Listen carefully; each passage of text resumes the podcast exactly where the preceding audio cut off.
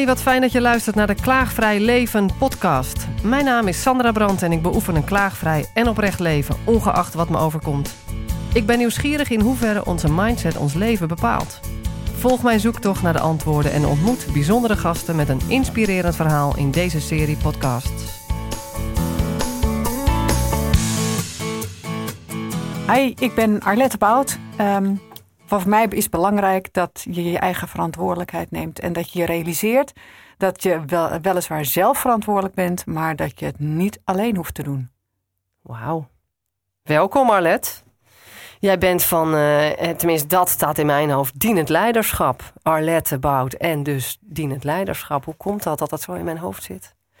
Ik denk dat dat komt omdat, je, omdat wij natuurlijk uh, wel vaker even contact hebben gehad. En het, de link was natuurlijk het klaagvrij leven.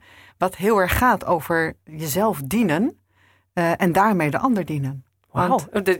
zo heb ik het zelf nooit gezien. Maar het is waar. Ja. Ik heb het nooit zo uh, geformuleerd. Ja. Maar jezelf dienen en daarmee de ander dienen. Het is absoluut iets voor jezelf en daarmee dus ook voor je medemens. Ja. En dat is dienend leiderschap ook. Vertel eens even iets over dienend leiderschap. Want het is best wel een hippe term. Uh, het is iets waar je trots op mag zijn als iemand je een dienend leider noemt. Maar wat is het dan? Waarom, waarom is dat zo mooi? Nou, wat het mooi maakt, uh, wat het voor mij in ieder geval is, uh, is de ervaring dat je iemand in je omgeving hebt die om je geeft als leidinggevende. Je bent medewerker, je hebt een leidinggevende en je voelt dat die ander om je geeft. Dat die misschien groot woord, maar van je houdt. En dat dat niet uh, per se een, een uh, fysieke houden van hoeft te zijn, maar wel dat je voelt dat dat hart van die ander ook voor jou bestemd is. En dat jij een plek hebt in dat hart. En um, dat maakt dat, je, dat, dat die ander dus bijdraagt aan jouw welzijn we hebben het vaak over welvaart. Maar het is veel belangrijk, uh, belangrijker om te kijken van wat is je welzijn? Hoe staat dat ervoor? En welzijn is weer verbonden met gelukkig zijn. En gelukkige mensen... Um, presteren beter. Presteren beter. Die zijn gevuld met energie. Wat weer goed is voor de welvaart. Wat weer goed is voor de welvaart. Maar het begint met welzijn, wat jou betreft. Het begint met welzijn. Zo en het begint dat. met dienen van jezelf. Dus dienend leiderschap, dat begint bij jezelf. Dus dat je je eigen dienend leider bent? Precies, dat je de regie en de verantwoordelijkheid neemt voor je eigen leven, je eigen uh, leiderschap laat zien. In alles, bij alles wat op je pad komt. En ja, want sommige best... dingen komen op je pad, daar kan je niks aan doen. Dat klopt. Je, je, kiest niet voor alle omstandigheden bewust. Sommige dingen overkomen je. We hadden het uh, toevallig een, een, paar dagen geleden over. Iemand die zei: Ik ben ziek geworden, um, maar ik ben niet boos. En ja, dan heb ik het niet over een griepje, ziek worden. Hè? Dan heb ik het over serieus ziek worden. En waar het dan bij mij om gaat, is dat je zegt van je kiest niet ervoor om ziek te worden. Dat overkomt je soms. Maar de vraag is, hoe ga je ermee om? Ga je erover klagen? Nou, dat is onze, onze link natuurlijk.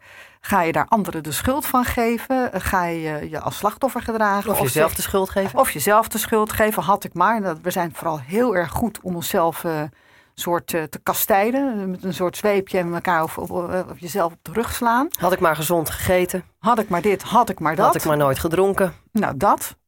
Maar daar gaat het niet over. Het gaat in eerste instantie over houden van jezelf. Onvoorwaardelijk houden van jezelf. En mensen die onvoorwaardelijk houden van zichzelf, hebben dus ook veel meer te geven qua liefde aan anderen. Dat is een mooi verhaal. Mm en hoe zit dat nou met mensen die denken, maar ik hou helemaal niet van mezelf? Ja. Hoe, ja, hoe, hoe is het daarmee? Wat, wat, wat wil je ermee? Wat, wat, wat triggert die persoon? Zou die zichzelf gunnen om wel die stap te maken? Zou die zichzelf gunnen om wel gelukkig te worden? Goeie vraag, ik weet het dus niet. Dus daar begint het eigenlijk mee, hè? Dus of je jezelf gunt om gelukkig te zijn. Denk je? Gun je jezelf? Nou, vind je jezelf de moeite waard? Zijn natuurlijk best wel grote vragen. Nou, een heel erg grote vraag, ja. Een heel erg grote vraag. En heel veel mensen Ik denk dat hij heel leven... veel mensen raakt. Ja, dat zou zomaar kunnen. Want heel veel mensen hebben geleerd, onbewust, dat ze niet de moeite waard zijn. Ja, en als ik kijk in teams, in hun organisaties, waar zit een, uh, vaak de, het probleem? Dan zit het met het uh, dat mensen niet heel zijn met zichzelf. Gebutst en, ge, en, en, en uh, gekrast op de ziel door wat ze hebben meegemaakt in hun leven. En dat kan al heel jong beginnen, in de, in de thuissituatie, maar ook op scholen. En mensen worden gepest. Daar wordt niet goed mee omgegaan. Ze trekken zich terug of uh, ze gaan en doorslaan naar de andere kant, beginnen anderen te pesten. Dus je krijgt allerlei gedrag wat er uh, op gericht is om te overleven. Nou, hoeft dat geen probleem te zijn in de toekomst? Nou, dat weet ik niet. Ik betwijfel dat. Um, want je leeft niet je echte leven. Je leeft het leven. Als je zo blijft. Nou, ja, ik bedoel, als je, zo blijft. Als je in de afweer blijft, dan wel. Maar op het moment dat je daar bewust van kan worden. Klopt. En het feit dat je krassen hebt in je ziel wil niet zeggen dat je daar een probleem mee houdt in je leven. Nee, dat bedoel ik. Nee, en dan gaat het dus over welke mensen heb je in je omgeving die zich inzetten voor jouw persoonlijke en professionele groei. Dus de leiders, die, dat zeg ik ook altijd als ik uh, training geef, van heel maken en leiderschap. Dat betekent niet dat je gaat lopen therapeuten als leidinggevende. Nee. Doe dat vooral niet. Laat mhm. dat aan een professional over. Maar de vraag stellen van, hé, hey, wat is er aan de hand? Wat maakt dat je op een bepaalde manier reageert? Maar dat je werkelijk het antwoord ook wil horen. Mhm. Dan pas moet je de vraag namelijk stellen. Als je het antwoord niet wil horen, stop dan alsjeblieft met het stellen van die vraag. Want een ander voelt dat.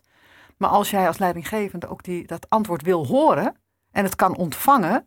Echt wil begrijpen. Echt wil begrijpen en ook wil voelen wat het met de ander doet. Dat draagt bij aan het heelwordingsproces van die ander. Ja. Omdat je echt luistert.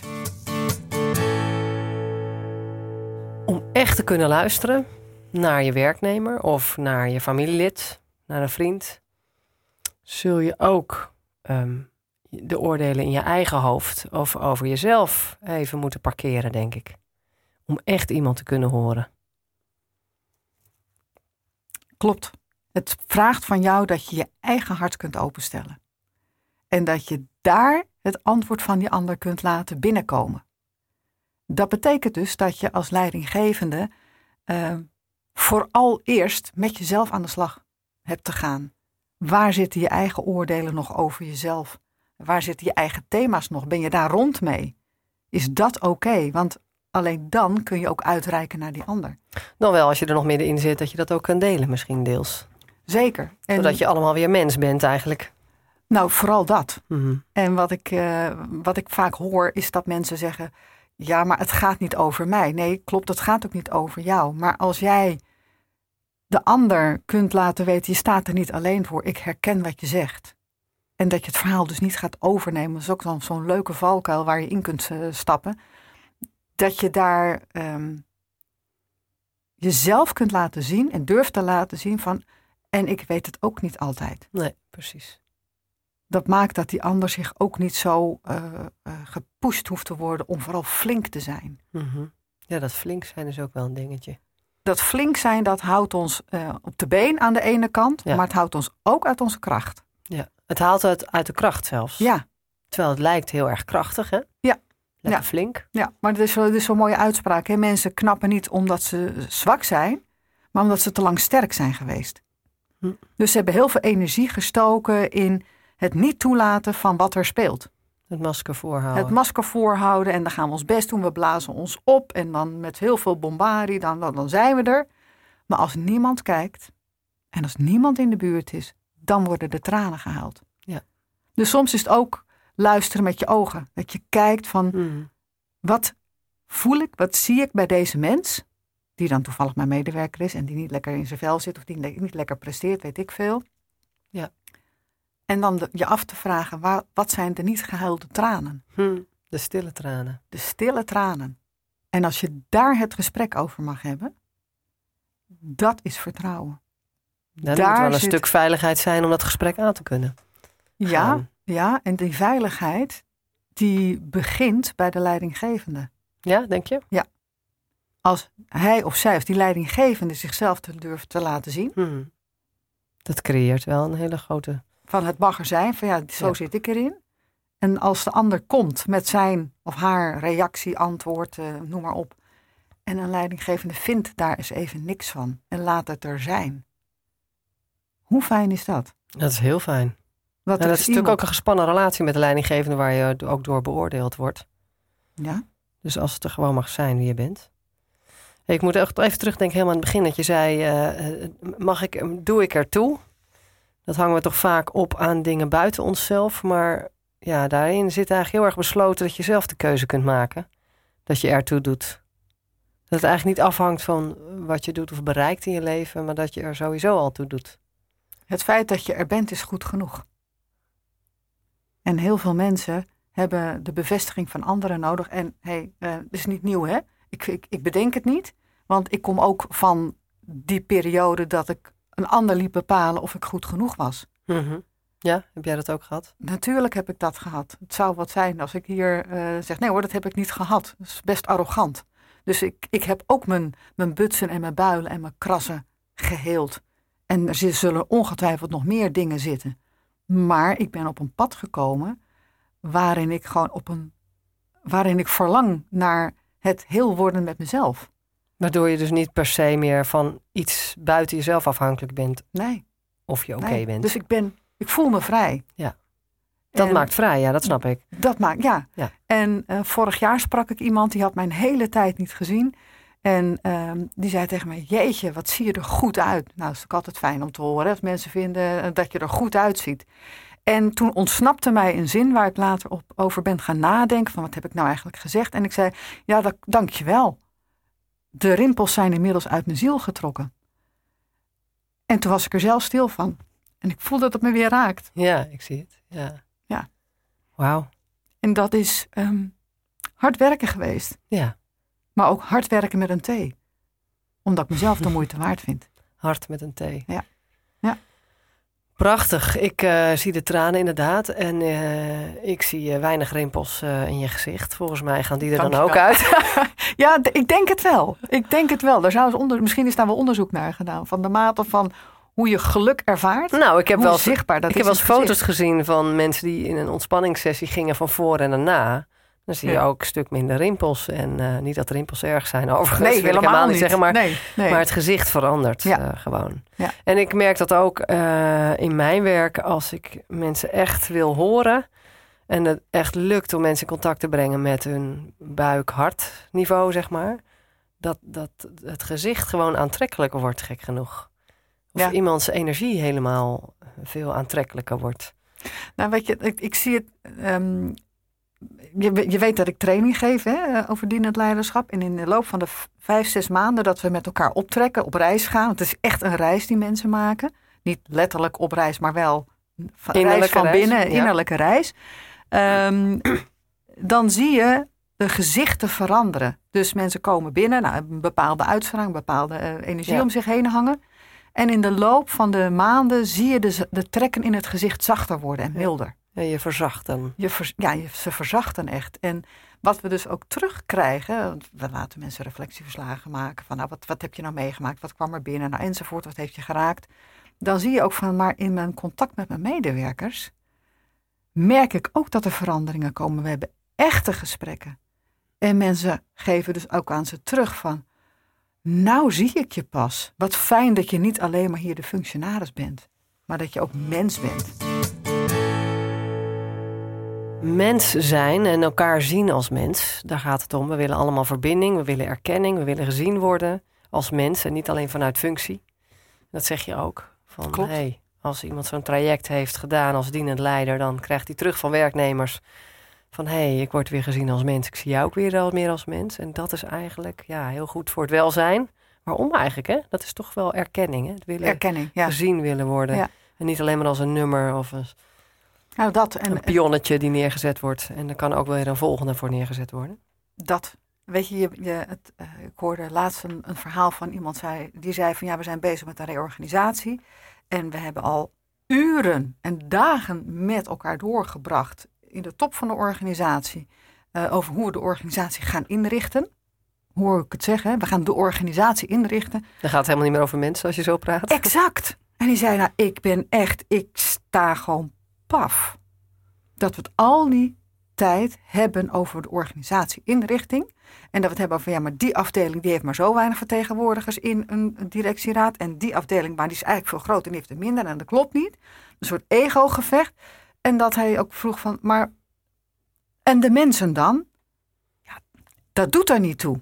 Dus wat ik heel veel hoor is dat harkjes worden uh, neergezet en er worden bepaald hoeveel functies er zijn. Maar welke mensen hebben we nou nodig om onze doelstellingen te bereiken, onze resultaten te kunnen gaan? Wat voor type mensen, wat, voor, wat willen we dat ze kunnen? En hoe ze omgaan met zichzelf en met hun verantwoordelijkheid, daar hebben we het niet over. je, laat gewoon stijl achterover. Terwijl ze zegt van hé, hey, maar de mens is wezenlijk. Want de mensen maken de organisatie, niet de functies hoor. Niet de harkjes. Dat, dat, dat, is papier. Een functie is papier. Maar de mens die de functie vervult, als die dat met hart en ziel kan doen. Ja. Moet je je voorstellen dat je iemand aan de telefoon krijgt van je hebt contact met een organisatie. Je hebt iets gekocht, weet ik veel, een dienst, een product. En je hebt iemand aan de telefoon en je hoort dat het hem eigenlijk geen bal uitmaakt. Voel jij je dan een klant? Nou, dan voel je je echt een soort van, nou, ik ben een bankrekeningnummer of zo. Ja, maakt niet uit of ik aan de lijn ben of niet. Het doet, het doet ze helemaal niks. Maar dan heb je iemand aan de telefoon van een organisatie die belangrijk vindt dat het goed gaat met zijn of met zijn mensen. Ja. En dat je hoort dat die mensen het fijn vinden om daar te werken. Nou, dat is, ik heb dat alleen al als je ergens koffie drinkt en je merkt dat je eigenlijk amper gezien wordt als je binnenkomt. Of men is vooral druk met elkaar of loopt iets wat geïrriteerd. Waar ik ook respect voor heb, want je kan niet altijd vrolijk op je werk zitten. Maar dan hou ik het vaak bij één kopje koffie en niet, uh, blijf niet langer zitten. Dat bedoel ik. Terwijl er ook een, een, een, plekje is waar ik graag kom. En daar doet men het met passie elke dag weer. En word je altijd gezien als je binnenkomt. Altijd. 100% scoren. Nou weet je, dan, als jij het gevoel hebt, hè, of je nou aan de telefoon zit... of dat je ergens binnenkomt in een, in een, uh, een gelegenheid een, een, een, of een vergadering, ik noem maar wat. En de mensen die daar zijn, die doen als het ware zo. Hè, die doen hun armen open van harte welkom. Fijn dat je er bent. Wat doet dat dan met je? Dat is een stukje waardering die je krijgt, een stukje erkenning. En gek genoeg hebben we dat allemaal nodig. En kun je zeggen, ja, we hebben allemaal compliment nodig. Ja, dat weten we ook wel. Maar op die manier je van harte welkom voelen, dat draagt bij aan de erkenning, dat draagt bij aan een stukje heelwording. Ja, een geluksgevoel waaruit je, waarvanuit je weer met plezier je kwaliteiten wil inzetten of een initiatief wil nemen. Of misschien binnen een vergadering, als er een punt ligt, het makkelijker oppakt. Dan gaat de energie stromen. Ja. En dan kom je in je kracht. En dat is zo belangrijk. In je kracht komen je eigen kracht komen. En dan heb je een leidinggevende voor nodig, die jou in je eigen kracht laat komen. Wat mhm. bij dienend leiderschap heel wezenlijk is, is dat je je inzet voor de persoonlijke groei en ontwikkeling van mensen maar ook voor de professionele groei en ontwikkeling van mensen. En dat je je persoonlijk inzet voor die groei van die mensen. Ja, je hebt in organisaties natuurlijk regelmatig HR-afdelingen. Er zijn organisaties die zeggen, nou, wil je ontwikkelen, moet je even naar HR. Maar dat is niet waar die in het leiderschap voor staat. Daar ga je het gesprek aan. Wat heb je nodig? Wat is belangrijk voor je? En dus moet je weer kunnen luisteren. En op het moment dat, je, dat, dat het gaat over de groei van mensen, dan draag je bij aan het, de ontdekking van waar zit eigenlijk mijn eigenlijke kracht. En dat is eigenlijk ook functieoverstijgend denken. Want je Absoluut. gaat kijken naar waar mensen goed in zijn, waar ze hun kwaliteiten hebben of wat ze willen ontwikkelen, waar ze gemotiveerd in zijn. En dat heeft eigenlijk niks meer met die functieomschrijving te maken misschien. Zelfs niet met de afdeling. Hoe vaak je niet hoort, hoorde. Dus ik heb het regelmatig eh, gehoord toen ik uh, bij een organisatie aan loopbaanbegeleiding deed. Nou, dat was dan geen loopbaanbegeleiding, was meer coaching. Want mijn gesprekken gingen altijd over de mens. En dat was iets anders dan de functie waar ze in zaten. Ehm, of dat ging dieper, laat ik het zo zeggen. En dan zei ja, ik wil een opleiding doen. En mijn leidinggevende, en het was een opleiding die in het geheel van de organisatie zeer gewenst was. En dan zegt de leidinggevende, nee, want ik heb er in mijn afdeling niks aan. Pardon? Ik kan er mijn resultaten niet mee halen en daarom mag jij die opleiding niet doen. Maar het is goed voor die medewerker, want die, als het gaat over duurzame inzetbaarheid, dan kan die persoon bij de organisatie bijdragen, weliswaar op een andere afdeling. Ja, maar het is mijn budget. Ja, dat gaat dan heel erg uit van welke zak geld is waarvoor op welke plek. Maar dat gaat over angst. Ja. Het gaat over de angst om je eigen resultaten niet te halen, maar het gaat dus niet over de liefde die je hebt voor de mens. En de organisatie. En de organisatie. organisatie breed. Ja, ja, dus het is heel kortzichtig. Nou, dat zijn allemaal ontwikkelingen waar gelukkig veel meer nu ruimte voor komt in organisaties. Van nee, we gaan eens kijken, wat heeft deze persoon nou nodig? Komt die tot zijn recht? En wat betekent dat dan in het grotere geheel? Dus als we het plaatje voor ogen hebben, wat voor een organisatie wil ik hebben? Waar wil ik aan bouwen? Op welke manier wil ik bijdragen en het verschil maken voor de omgeving? Dat is heel erg verbonden met een nou ja, zingevingsvraagstuk van een organisatie. Dus we hebben het over uh, je eigen dienend leider zijn. Uh, Arlette, ehm, jij bent van, hoe heet jouw bedrijf? Het Nederlands Instituut voor Servant Leadership. Ja, dienend leider, maar dan in het Engels. Ja. Uh, te beginnen bij jezelf, dus dat je je eigen verantwoordelijkheid neemt. dat betekent niet dat je het allemaal alleen hoeft te doen, maar wel dat je zelf keuzes hebt in hoe je omgaat met situaties. En daarnet had je het over dat je kijkt naar wat een hele organisatie nodig heeft eigenlijk. Waar wil je heen met het hele bedrijf, wat alleen maar bestaat uit mensen. Dus je zult moeten kijken, wat wil de mens die ik voor me heb? Dus vanuit jezelf eerst kijken, wat heb ik nodig? Hoe kan ik kiezen? En wat heb ik te helen, zoals jij het noemt, vanuit het verleden? Misschien met krassen op je ziel. Hoe kan ik weer met een open hart luisteren naar iemand? Ja. Ehm, en ook dat je het feit dat je ertoe doet niet laat afhangen van een ander. Nou, dat zijn alle punten die voorbij zijn gekomen. Mis ik iets daarin? Dit is wel nee, belangrijk. Nee, het, het, het, begint dus allemaal met bewustzijn. Ja. Nee, wie ben ik? Waar sta ik voor? En bij jezelf dus. Ja. Het begint dus bij mezelf. Wat zijn mijn waarden? Waar sta ik voor? Wat is mijn ethische en morele kompas? En gewoon, het is misschien een beetje moeilijk te beantwoorden vraag zo eventjes, en passant.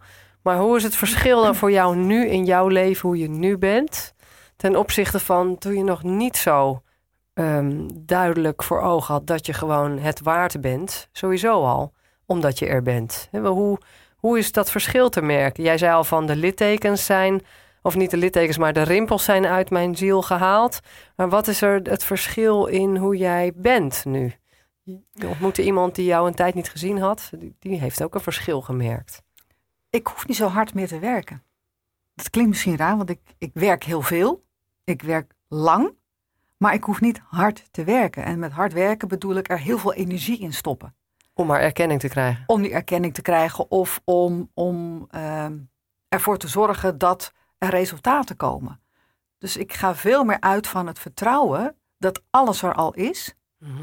En dat alles, dat alles wat er moet gebeuren, dat het vanzelf op mijn pad komt.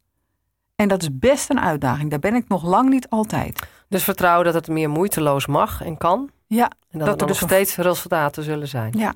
ja. En dat is ook zo. Dat is ook zo. Dus um, ik vertelde jou dat ik een boek heb geschreven. Ehm, en dat wilde ik al heel lang. Ik wilde heel lang een eigen boek schrijven over dienend leiderschap. En ik heb me wel eens afgevraagd, is dit nou een ego-ding? Wil ik nou zo graag laten zien, kijk eens, die Arlette die heeft een boek geschreven. Kijk eens, nu doet ze ertoe. Daar heb ik me echt afgevraagd. En op een gegeven moment dacht ik, nee, dat, dat is niet mijn intentie. Mijn intentie is om een boek te kunnen schrijven waar in mijn visie op hoe het leiderschap eigenlijk werkt, eruit zou moeten zien. En toen ik dat begon, dat boek schrijven, toen dacht ik, nou, dan ga ik eerst eens even, zoals ik dat was gewend, ehm, alles uit de kast halen wat ik heb over leiderschap. Dan ga ik eens kijken, wat vind ik daarvan? Hoe zit ik er zelf in? Goed voorbereiden heet Goed voorbereiden, ja, dat geleerd Ja, heel goed voorbereiden. Je, je, je zoals je een scriptie schrijft. En dan ga ik kijken wat zijn de missende, missing links, zeg maar. Dus wat is er nog niet geschreven? En dan ga ik dat schrijven. Heel erg rationeel bedacht. Nou, dat, uh, heeft een aantal maanden op mijn bureau gelegen. Er kwam natuurlijk helemaal niks uit mijn pen. En iemand stelde mij toen de vraag, Arlet, uh, waarom schrijf je niet wat er geschreven wil worden? En toen ben ik daar eens een tijdje over gaan puzzelen van wat bedoelt hij nou? Wat is het nou? Maar ik wist wel dat daar de link zat. En toen heb ik besloten, echt een, letterlijk een besluit genomen. Oké, ik doe de boeken weer in de kast. En ik ga eerst maar eens schrijven wat er wil komen. Dus hoe ziet het leiderschap er voor mij uit? En het stroomde zo mijn pen uit. En dat is het moeiteloze, naar resultaat werken. Precies. Zonder er extra moeite voor te hoeven doen dus inderdaad. En vanuit mijn hart. Dus ik ben maar vanuit mijn hart gaan schrijven dit is het. Is dat per definitie dan moeiteloos? Denk het wel, hè? Ja. Als je het vanuit je hart kan. Ja. Het enige wat moeite kost, is dat je zelf toestaat dat dat mag op die manier. Daar zit, het, daar zit het harde, tussen aanhalingstekens, werk in. Dat je jezelf toestaat dat dat mag. Dat het mag komen en dat, dat wat er komt, dat dat dus oké is. Dat dat ik, goed voor mij is het gewoon uh, gesneden koek inmiddels, gelukkig. Vanwege mijn klaagvrije beoefening klinkt het voor mij zo normaal al. Ja. Maar ik weet hoe abnormaal het was en hoe, hoe abnormaal het voor heel veel mensen is. Mensen gewoon niet geloven dat je moeiteloos kunt leven. En het is niet zo dat niks moeite kost, dat, dat gaat niet om. Maar de moeite zit er met name in om jezelf toe te staan dat je gave dingen mag meemaken. Dat het moeiteloos mag. Dat, uh, dat je eens een keer mag spelen om het op een andere manier te proberen. Um, en dat ook niet in fout en goed te labelen meer, maar in het ontdekken. Te kijken wat werkt er wel, wat werkt er niet. Nou ja, het is grappig dat je dat zegt. Het gaat over ontdekken. En het betekent dus ook dat je nieuwsgierigheid gaat prikkelen. Ja. En als je nieuwsgierigheid prikkelt, dan prikkel je ook creativiteit. Ja.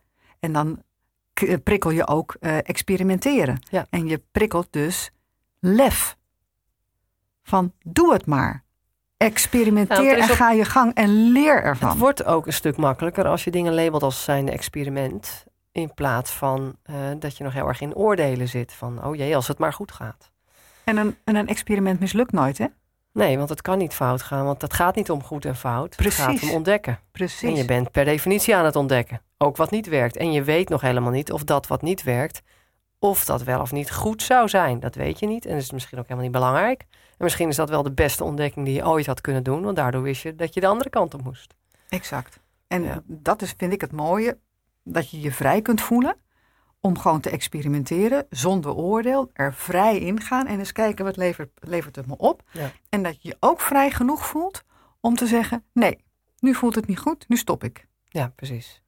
En dat je daar dus niet schuldig over voelt van, nou ja, een ander zegt dat, dat ik het wel moet afmaken. Ja, dat is ook zo'n dingetje, ja. Hoezo moet ik afmaken? Ja. Het moeten afmaken, dat is zo'n lijntje uit het verleden. Van geef nooit op, het oude want dat is fout. Ja. Ehm, als je besluit om te stoppen, dan heb je daar ongetwijfeld een goede reden voor. En dan kun je nog onderzoeken van, hé, hey, wat maakte nou dat ik stopte? Was het vanuit angst? Omdat ik bang was voor wat er ging komen? Nou, dan is dat iets wat je nog een keer aan kunt kijken. Of zeg je, nee, ik stop uit liefde voor mezelf. En dan zeg je, nee, dit is gewoon, hier stop ik. Dit is mijn grens. Dit past wel binnen mijn set van persoonlijke waarden.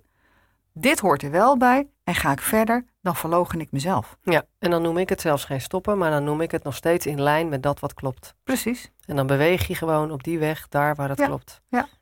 Ja, klopt. En dat is niet per se alleen voor jou, maar meestal voor het grote geheel. Dat is waar ik achter kom. Dat is het ook. En toevallig las ik laatst uh, in een tijdschrift, volgens mij was de Happiness, die had het over, um, over tijd. En um, er is een interview met een filosoof die in China inmiddels werkt en woont. En uh, misschien heb je het uh, toevallig gelezen van de Chinezen een hele andere beleving van tijd. Wij leven een soort van, wat is het, de horizontale tijd. Dus de chronische kloktijd. Ja, precies. Maar ze zegt, in China is de verticale tijd veel belangrijker. Dat gaat over de spirituele tijd.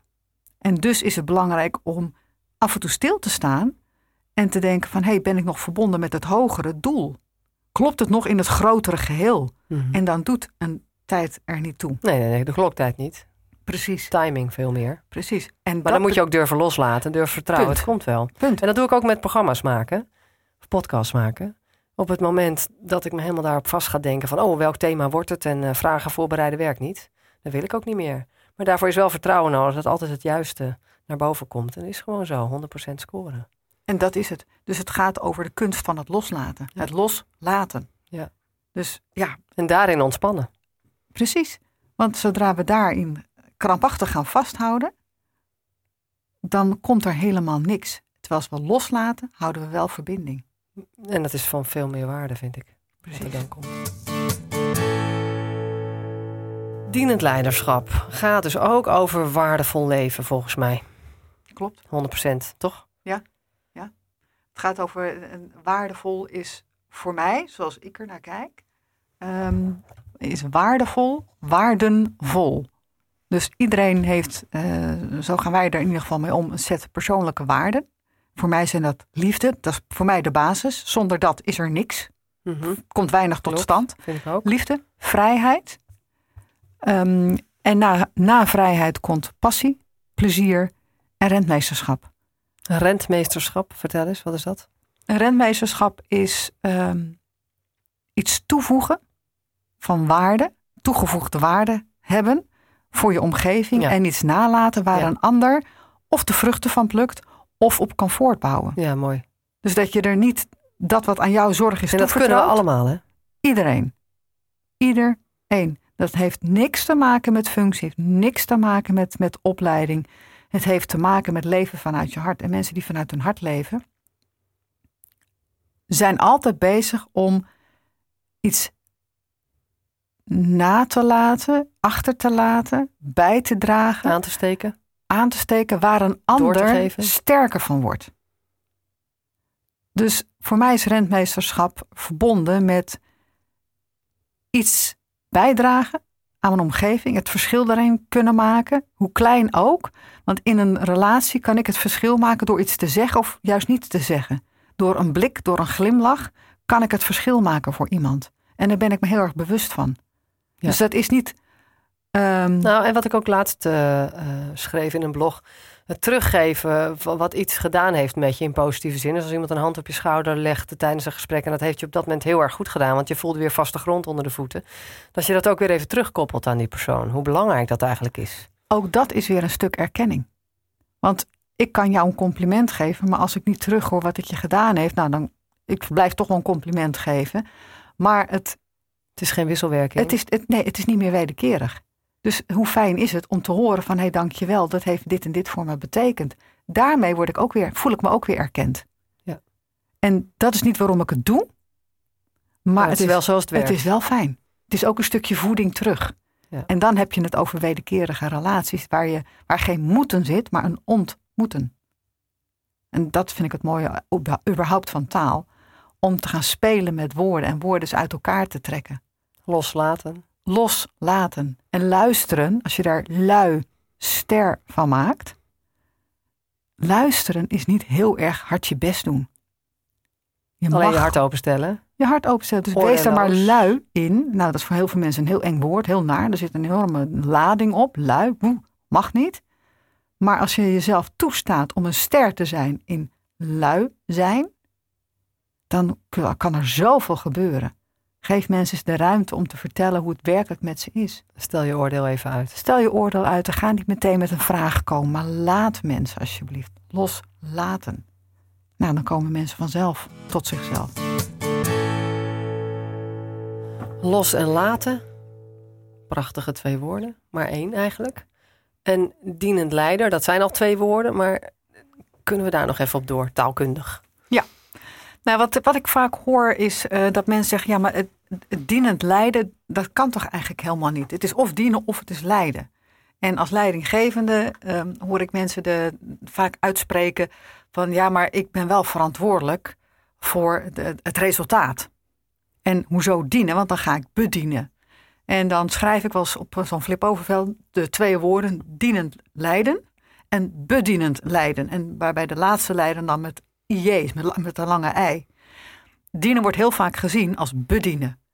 Als in, uh, ik zeg wat ik wil en ik draaf op en ik geef het je. Maar daar gaat het dus niet over. Of dan wel, u zegt wij draaien precies andersom. Precies, maar dat, dat is het dus juist niet. Wat het wel is, is dat in dienend leiderschap, die twee woorden... Uh, ik maak dan twee cirkels en er is een overlap tussen de twee cirkels.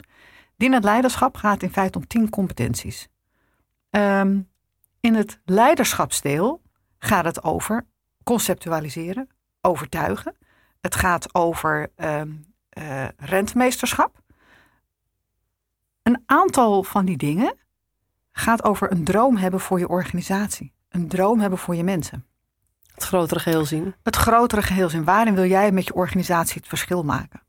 Dus het uitspreken van een visie en daar uiteindelijk een strategie op maken. Maar dat is weer een heel rationeel ding. Maar het hebben van een visie, en hebben van een droom waarin mensen kunnen aanhaken en kunnen meebewegen, dat zit in het leiderschapsdeel. Mhm. Vervolgens is het van belang dat je mensen met je mee kunt laten bewegen. Dat er mensen aanhaken, bij jou in dienst komen of met je gaan werken, die aanhaken bij die droom. En dan, is het, dan maak je de switch naar het dienende stuk. Dan ga je luisteren dan komt empathie om de hoek zetten. Van meevoelen en meebewegen met de ander in het verhaal van die ander. Terwijl je je niet laat overweldigen door het verhaal van die ander. Dan gaat het dus ook over, eh, wat zei ik, luisteren, empathie, heel maken. Dus dat zijn elementen die belangrijk zijn ehm, om mensen te zien voor wie ze zijn. En dat noem jij heel maken? Dat noem ik heel maken. Die twee stukken komen samen in dienend leiderschap daar gaat het over je inzetten, je persoonlijk inzetten voor de groei van je mensen. Mm Hun professionele groei, maar ook hun persoonlijke groei. Het gaat over uh, bouwen aan een veilige gemeenschap. Dat je in je organisatie, op je afdeling, in je team een sfeer creëert, een cultuur creëert en daar bewust keuzes in maakt, waardoor mensen tot volle bloei en groei kunnen komen. En dat je daarin, eh, in dat stuk rentmeesterschap aangeeft, wat wil jij voor mensen betekenen waar zij verder mee kunnen, waar zij van kunnen aftappen. Dus een dienend leider is eigenlijk bezig met een veilige gemeenschap creëren binnen zijn organisatie. Een groeizame, veilige omgeving. En wanneer uh, is Groeizaam en veilig. Groeizaam en veilig, ja. Want er mag gegroeid worden. Dus ik vergelijk dienend leiderschap eigenlijk uh, een beetje met een, een tuin die je tot je beschikking hebt gekregen. Je komt ergens in een organisatie of je bouwt zelf een organisatie op en zie dat maar als een stukje grond en daar moet je iets mee. De bedoeling is dat er iets gaat gebeuren. Anders is het een braakstuk liggend grond. Ja, is interessant, maar heeft niet zoveel toegevoegde waarde voor de omgeving. Dus wat ga je doen? Je gaat kijken hoe wil ik dit inrichten? Waar ga ik wat zetten en wat wil ik ermee uitstralen? Waar moet het voor aan bijdragen? Mijn eigen tuin, daar heb ik op een gegeven moment van gezegd, ik wil dat veranderen. Ik wil niet alleen eh, dat het een verlengstuk wordt van mijn, van mijn, uh, van mijn huiskamer, maar in die tuin wil ik tot bezinning kunnen komen, wil ik kunnen genieten van de zon, wil ik met vrienden en familie lekker kunnen loungen en kunnen hangen op een bank en een wijntje, een biertje, een hapje en een drankje kunnen doen. Maar ik wil er ook in stilte kunnen zijn. Dus de planten die daar komen, ik wil ook dat in die tuin dat daar bijen en vlinders komen, omdat die zo belangrijk zijn voor ons onze planeet. Klinkt misschien heel hoogdravend, maar zo zit ik er wel in. Dus in die tuin wil ik planten die daaraan bijdragen, die dat verwelkomen. Dus voor mij persoonlijk zijn dat, is het een plek creëren waar ik tot rust kan komen, waar ik geïnspireerd weer kan, kan raken, waar ik de verbinding met de aarde weer heel sterk voel. Ja, dus daar zul je zelf bewust in moeten kiezen. En Precies. En welke planten zet je dan neer? Dus je hebt je organisatie. Welke mensen, welke functies heb je dan nodig? En soms is het zo dat je bent begonnen met, het met de aanplant en dat je ziet, hé, hey, een plantje doet het niet. Hé, hey, een medewerker presteert niet goed. Wat is er aan de hand? En wat is er nodig? En dan ga je het gesprek aan. Ja. En dan zeggen mensen wel van, ja, maar dienend leiderschap is wel heel erg soft, hè? Dus alleen maar bedienen. Nee, dienend leiderschap is net als die plant die het niet doet in je tuin. Daar ga je extra aandacht aan geven. Die ga je verzorgen. Dan ga je een beetje extra water geven of een extra voeding. En soms heb je een extra steunstokje nodig. En soms blijkt aan het eind van al die inspanningen dat je maar het komt niet tot zijn recht. In deze tuin. In deze tuin. En dan moet je dus die plant gaan verplaatsen. Dat vindt het plantje niet zo fijn. Maar je doet het wel. Vanwege het grotere geheel. En na afloop zal het plantje waarschijnlijk ook veel gelukkiger worden. Precies. En soms is het dus gewoon snoeien. Omdat een plant te groot wordt en de rest van de tuin overschaduwt. Nou, dan gaat het dus over wat ga je snoeien, wat doen we wel en wat doen we niet meer. Dus er is niks softs aan. Het is heel goed kijken, heel goed luisteren, heel goed voelen wat is er nodig in dit team. En in de hele organisatie, dus elke keer het grote belang erbij. Iedere keer weer het grote belang, dat is het grote plaatje, wat heb ik ook weer voor ogen. Daar steeds dat lijntje mee houden. En dat betekent dus dat je als leider ook regelmatig, liefst iedere dag, tijd moet nemen om erop uit te gaan. Niet de kroeg in, ja mag ook, maar dat je tijd neemt voor reflectie. Dat je gaat stilstaan van, hé, hey, klopt het nog waar ik mee bezig ben? Hoe Even in je eigen tuin gaan zitten. In je eigen tuin gaan zitten. Van, wat betekent dat nou? Waar, waar ben ik nu mee bezig? Klopt het allemaal nog? Ben ik niet aan het doordraven? Je moet je tegenspraak organiseren. Nou, daar moet je wel bewust even tijd voor nemen. Want we gaan vaak in de waan van de dag door. Voilà. Wat er al moet gebeuren. En pas tegen de tijd dat het uh, acht uur is avonds, dan... Uh, ga je eens voelen hoe gaat het met mij eigenlijk. Maar je adviseert eigenlijk is om dat dus overdag op meerdere momenten te doen. Ja, als een normaal onderdeel van je dag. Als een normaal onderdeel van je dag. En daarom is bewustzijn zo belangrijk. Omdat het altijd er mag zijn. Op aanstaan, maar dan ook echt, echt aanstaan. Met open hart. Met open hart. Met een open mind. Nieuwsgierig. Nieuwsgierig. Spelende wijs. Vooral spelende wijs. En vergeet niet te lachen. Dat zie ik ook wel dat mensen in, in de waan van de dag of in de drukte of in de, in de ambitie die ze hebben, een soort van verkrampen. Het moet lukken, het moet lukken. Joh, laat los. Lach. De weg erheen is ook al. De weg erheen is de groei. Een mooi proces, ja. ja. Dankjewel Arlet. Waar kunnen mensen jou vinden en welke website? De website is www.nivsl van het Nederlands Instituut voor Servant Leadership. We zitten op het Flora Park 11 in Haarlem. Een hele mooie omgeving in Haarlem bij het oudste stadbos van Nederland. Je hebt echt een mooi plekje daar. Ja. Alleen al voor die plek zou ik een training bij je willen. Nou, van harte welkom. Van harte welkom. Wat waar het over gaat is de vertraging opzoeken en de stilte in jezelf. Dan gaat het hard spreken.